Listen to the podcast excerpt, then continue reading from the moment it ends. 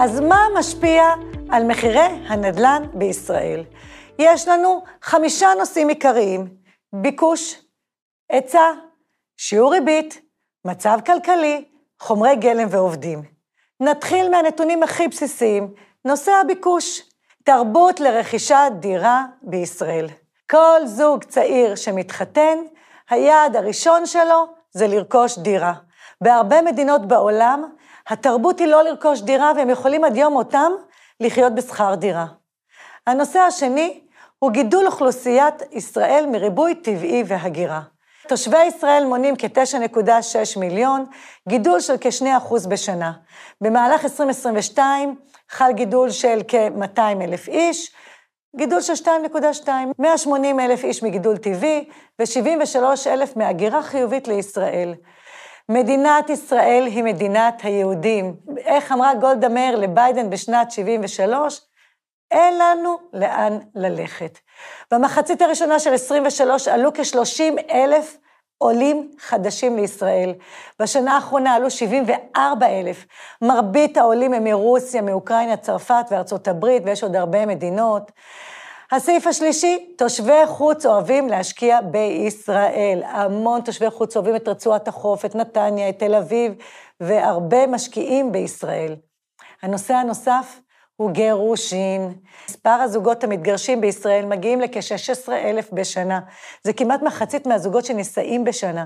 מה שאומר שלכל בית אב היום תהיה דרישה לשתי יחידות דיור. עוד נושא, עלייה בתוחלת החיים. תוחלת החיים בישראל עולה בקצב מקורב של שנתיים וחצי בכל עשר שנים. לפי נתוני ארגון הבריאות העולמי לשנת 2019, ישראל תפסה את המקום השישי בעולם בתוחלת החיים אחרי יפן, שווייץ וסינגפור. זה אומר שככל שתוחלת החיים יותר גבוהה, חיים יותר, הביקוש נדרש. סתם בשביל לסבר את האוזן, בשנת 1970 הגיל הממוצע היה 73, ובשנת היום, 2023, תוחלת החיים מגיעה אפילו ל-80, לגיל 85. עוד אנקדוטה, זה שתוחלת החיים של הנשים הרבה יותר גבוהה מתוחלת החיים של הגברים. סתם עוד פעם, בשביל לסבר את האוזן, גיל ממוצע היום של הגברים הוא בערך 80, גיל ממוצע של הנשים הוא כ-85, אז לא סתם צוחקים חולה, חולה, חולה, אלמנה. עוד סעיף חשוב זה הכנסות המדינה ממיסוי במקרקעין. למדינה יש אינטרס עצום שיהיה הרבה עסקאות בנדל"ן. בשנת 2021 היה גידול של 75 אחוז בהכנסות ממיסוי במקרקעין.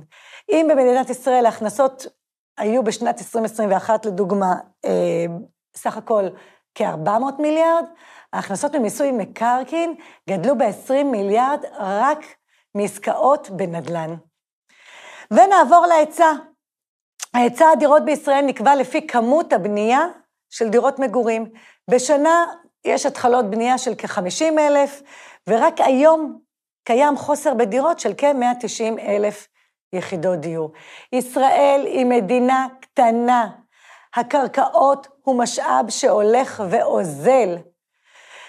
עוד סעיף, חוסר יציבות שלטונית. מערכת הבחירות חוזרת. בעלי תפקידים שמתחלפים, היעדר תוכנית לטווח ארוך שמטפלת באמת במשבר הדיור. הבירוקרטיה הממושכת והארוכה בישראל והחסמים הרגולטוריים מעכבים מאוד את קצב הבנייה וגורמים לזה שעדיין ההיצע עדיין יותר קטן מהביקוש. הבירוקרטיה הסבוכה שמה את ישראל באחת המקומות האחרונים בעולם, או אפילו באמצע עד אחרונים, מספר 160 בעולם, בכל הקטע שקשור להיתרי בנייה, שקלול של מספר תהליכים וזמן ועלות. נעבור לחומרי גלם ועובדים, שנבין שיש לזה השפעה גם, כי ככל שחומרי הגלם עולים, הם גורמים לעלות בנייה יותר גבוהה, והם מביאים לעלות הדירה שיותר גבוהה. השווקים בעולם חווים התפרצות אינפלציונים. אה, הקורונה הביאה למשבר של אה, חוסר בחומרים ועלייה במחיר שלהם. כל אלו מביאים למחירי, לעלייה במחירי חומרי הגלם. ואם נלך ונסתכל על כל התמונה כולה, המצב הכלכלי של המשק משפיע כמובן על כלל השחקנים, שהם הקבלנים, הצרכנים, משקי הבית והמשקיעים. כאשר המשק נמצא בצמיחה, מאופיין במדדים כלכליים חיוביים, עלייה בשכר הממוצע, עלייה בתל"ג, עלייה באבטלה, זאת אומרת, סליחה, ירידה באבטלה, שוק הנדל"ן נוטה לעלות. כאשר המשק מדשדש, נמצא במיתון, מאופיין בנתונים שליליים כלכליים, ירידה ברמות השכר וההכנסה הפנויה, עלייה בנתוני האבטלה, שוק הנדל"ן נוטה לרדת. עכשיו נעבור לאחד הנושאים הכי חשובים שמשפיעים מאוד חזק על שוק הנדל"ן, וזה הריבית. איפה אנחנו נמצאים מבחינת הריבית?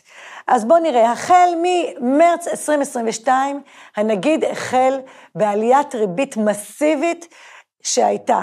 כ-12 העלאות ריבית רצופות החל ממרץ 23. הריבית עלתה מדי חודש בין רבע אחוז לחצי אחוז ואפילו ל-0.75. המטרה של הנגיד בהעלאת הריבית הייתה עצירת האינפלציה כמובן, ומחירי הדיור שעלו בצורה מטורפת. אבל בואו נבין רגע מה קורה. הפריים היום עומד בשיעור ריבית של 6.25. אם נלך לפני מרץ 23, כעשר שנים ברציפות הפריים היה 1.6. מה זה אומר? שהריבית הייתה נמוכה, הכסף היה זול. לפני כן הריבית ב-2008 הייתה אפילו 5 אחוז, ב-2002 הייתה אפילו 10 אחוז, ולפני כן הייתה אפילו 15 אחוז. מה זה אומר? כי כשהריבית גבוהה, אז יש אלטרנטיבות, משאירים את הכסף בבנק, מקבלים על פיקדון ועל חיסכון 10 אחוז פלוס, ואנשים חיים נוח מאוד עם סביבת, עם תשואה שכזו. כשהריבית התחילה לרדת, אז בעצם הכסף נהיה זול. מצד אחד, אין טעם להשאיר את הכספים בפיקדון בבנק, כי אתה מקבל פחות מ-1%, זו תשואה מאוד מאוד נמוכה. מצד נוסף, הכסף הוא זול, זה אומר שאפשר להלוות בריבית מאוד מאוד נמוכה, ואז מה עושים משקיעים? מלווים בריבית מאוד נמוכה של סביבת ריבית 1.6, 2, 3 אחוז ריבית, ורוכשים נדל"ן שהתשואה שלהם הרבה יותר גבוהה.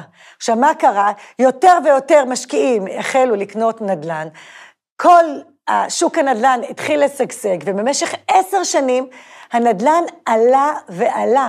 היו קפיצות מטאוריות במחירי הנדל"ן בעשר שנים האחרונות. כל מחיר היה תופס, רצית למכור בכך וכך אה, סכום, אין בעיה, אם היה לך גבוה, היה נכנס דקה אחריך רוכש אחר והיה קונה, כי באמת הבינו שהנדל"ן מתחיל לעלות בכל נקודת זמן, אתה תרוויח יותר ויותר, כשבאמת סביבת הריבית כל כך נמוכה, הכסף היה זול, ואין טעם להשאיר אותו לא בבנק ולא בשום חיסכון. הממשלה לא ממש הצליחה לעצור, ולא הייתה שום תוכנית מסודרת. אז למה קראו לזה משבר הנדל"ן, אם הנדל"ן כל כך עלה? כי עם קצב עליית מחירי הנדל"ן, כל יום שעבר, החלום לדירה לזוגות צעירים התרחק והתרחק. צעיר, צעירי ישראל היו נזרקים לשוק הדיור הרותח. והיום אנחנו מרגישים האטה במחירי הדיור. מספר העסקאות ירד כ-50 אחוז, המכירות של הקבלנים ירדו, עסקאות יד השנייה, וכנ"ל גם היקפי המשכנתאות. כי היום היזמים בעצם באו ואמרו, לא כדאי לנו לקנות עכשיו קרקעות, להתחיל עכשיו בנייה, בואו נתמקד בבנייה הקיימת ונמכור את הקיים. ובאמת מרגישים שפל של שלוש שנים שהוא מאוד מאוד דומה לתקופה שהייתה בתקופת הקורונה. עכשיו, בואו נדבר על מה שקורה בצל המלחמה. היום הארור של השביעי באוקטובר. הלך הרוח קשה מאוד במדינה. כל המדינה בהולד. הרבה אנשים במילואים, ילדים במסגרות חלקיות, ירידה בצריכה, אין ראש בכלל להתעסק עם כל הדברים האלה, עם השקעות, סגירה של הרבה עסקים, הרבה אנשים בחל"ת, ויש ירידה בתוצר. כל האנשים שגרים בצפון התחילו לרדת לכיוון נהריה, עכו, חיפה והמרכז. כל האנשים בדרום, עוטף עזה, אשדוד, עלו קצת יותר למרכז הארץ. זה אומר שהדרום והצפון חווים עכשיו כלכלה קשה, וכמובן זה משליך גם על שוק הנדל"ן. בנוסף, כשיש אי-ודאות, יש שינויים חזקים בבורסה, שינויים בשער הדולר, שהוא עלה והתחזק, והמדינה הייתה צריכה להתערב ולרכוש מטבע בשביל להחזיר אותו למה שהוא נמצא היום, ובאמת חווים קיפאון מוחלט בחוזים של רכישות דירות יד שנייה, וגם דירות יד ראשונה. חברות יזמיות מתחילות להרגיש את הקושי, כי מצד אחד הן לא מצליחות למכור, ומצד שני הריבית ונטל החוב גבוה ומקשה עליהם. נושא נוסף זה האנטישמיות. תמיד חווינו אנטישמיות באירופה ובארצות הברית, אבל השבעה באוקטובר הכניס את כל העולם למצב של אנטישמיות קשה באירופה וארצות הברית. עלייה של מאות אחוזים באירועים. אם אני אומר כמה מהם, האירוע במטוס שנחת ברוסיה שהתנפלו עליו, ארגז העכברים שזרקו לתוך סניף מקדונלדס בלונדון, סין מחקה את ישראל מהמפה, ועוד הרבה מקרי אנטישמיות של התקפות ורציפות במוקדים מר... מרכזיים כמו בתי ספר, בתי כנסת, שכונות יהודיות ואפילו סתם ברחוב. בשנת 2050 האסלאם יתחיל להשתלט באירופה ויחצה אפילו את הנצרות. צבי יחזקאלי יצא למסע בעקבות האסלאם ואומר שהשם הנפוץ ביותר לילדים היום באנגליה זה מוחמד. אחד מכל ארבעה תושבים הוא מוסלמי. עשרה אחוזים מהצרפתים הם מוסלמים, ואירופה מתחילה להתמלא ולגדול במוסלמים. מה שזה אומר שיותר ויותר עולים ויהודים יעלו לארץ. זה יגביר את הביקושים ויהיה צורך בדיור. וזה ברור לנו מה קורה כשיש עודף ביקושים על היצע. עוד נושא זה העובדים הפלסטינים שעובדים במדינת ישראל. יש כ-150 אלף עובדים פלסטינים מעזה, מה שאומר היום, בגלל שהם לא יכולים להיכנס למדינת ישראל, פחות פועלים בבנייה, עיכובים במסירת דירות מקבלנים. בשל העיכובים זה ישפיע על ההיצע בעוד שנתיים-שלוש, כי זה מעכב את מסירת הדירות. בינתיים, כדי להתגבר על החוסר בפועלים, היזמים והקבלנים הולכים להביא עובדים מהודו ומסין, ועד שאותם עובדים יקבלו אשרת כניסה, אשרת שהייה, אשרת עבודה, יהיה עיכובים במסירת הדירות, מה שעוד פעם, בעוד שנתיים-שלוש נחווה אה, ירידה בהיצע. ההיסטוריה לימדה אותנו שאחרי משברים, מלחמות, קורונה, יש צמיחה. התעוררות ועלייה מטאורית בנדל"ן. אנחנו יכולים לקחת לדוגמה את תקופת הקורונה, ששנתיים היה קיפאון, ומיד אחרי שיצאנו מהקורונה חווינו עלייה מטאורית של 20 עד 30 אחוז בשנת 21 ו-22. זה משהו מטורף.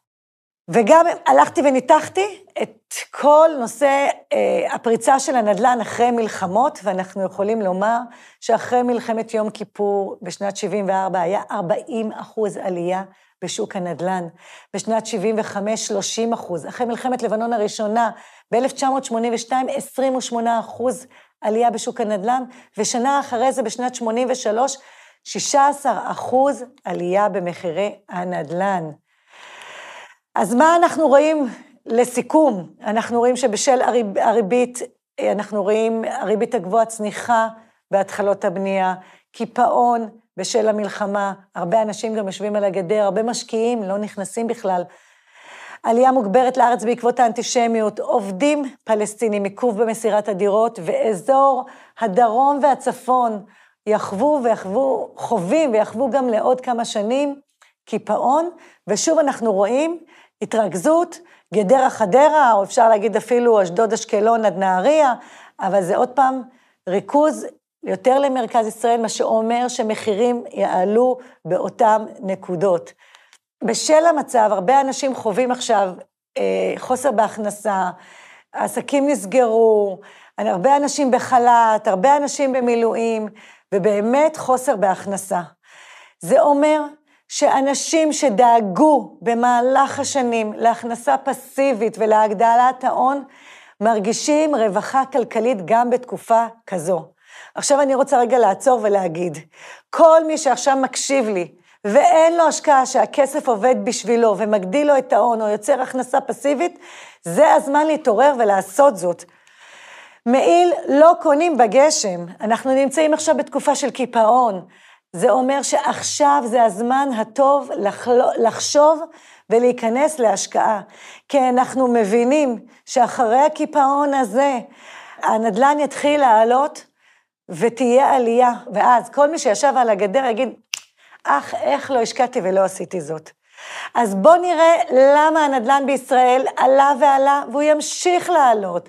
בגלל תרבות לרכישת דירות, גידול באוכלוסייה, עליות מהגרים לארץ, עלייה בתוחלת החיים, גידול בשיעור הגירושין, בירוקרטיה עמוסה וארוכה.